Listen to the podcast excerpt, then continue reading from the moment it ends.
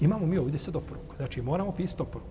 Naravno, ja vjerujem da veliki broj vas ovdje, nas bolje kazati, ja sa, njama, sa vama, ne pišemo tu oporuku, je li tako? Možda su neki napisali, a vjerujem da većina nije. Spavamo, ne pišemo oporuku, a ovdje se kaže ne trebaš čak da zanoćiš šta ni dvije ili tri noći da nema oporuka, da nije pod jastukom. Znači, kod tebe oporuka. Tako. Naravno, poslije ovoga došli su ajeti koji govore o nasljednom pravu. I ti ajeti o nasljednom pravu i podijeli imovine među nasljednicima su dokinuli ovaj ajet. I ovaj ajet je stavljen u globalu van snage. Došli su ajeti koji govore o čemu? Ajeti koji govore o nasljednom, znači pravu. I došlo je drugo nešto. Došao je hadis Ebu Umame, koga bilježi Tirmizi, koga ocjenio vjerodostojim, da je poslanik rekao, kaže Inna Allahe a'ta kulle zi haqqin haqqahu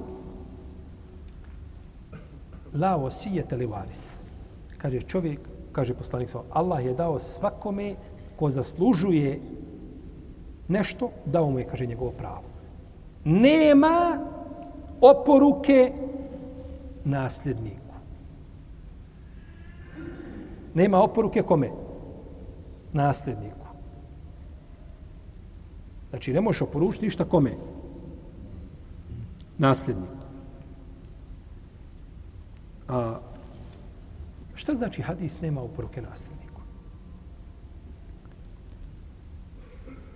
Ovaj hadis znači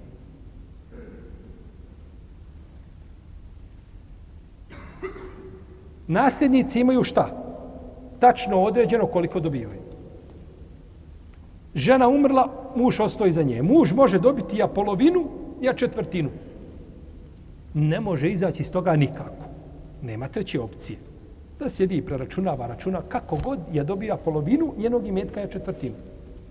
Ovisno imali ona djece sa njim ili sa drugim čovjekom. A muž iza žene dobiva četvrtinu ili, a, ne oprostite, muž iza žene dobiva ja polovinu, ja četvrtinu, ovisno imali dijete sa njom ili sa drugom, eh, ovaj, eh, a, ovisno imali ona dijete, eh, djece sa njim ili sa, sa, sa drugim čovjekom, da bi njima nešto pripalo. A on, a on, a ona iza njega može dobiti ja četvrtinu, ja osminu. Je tako? Ovisno ima on djecu ili nema. Sa koje god strane bilo. Pa ako imaju djecu, onda biva mužu četvrtina, a ženi šta? Osmina. A ako nemaju djece, mužu biva polovina, a ženi biva koliko? Četvrtina. I nije bitno da li su djeca sa tim bračnim drugom ili su šta sa drugim.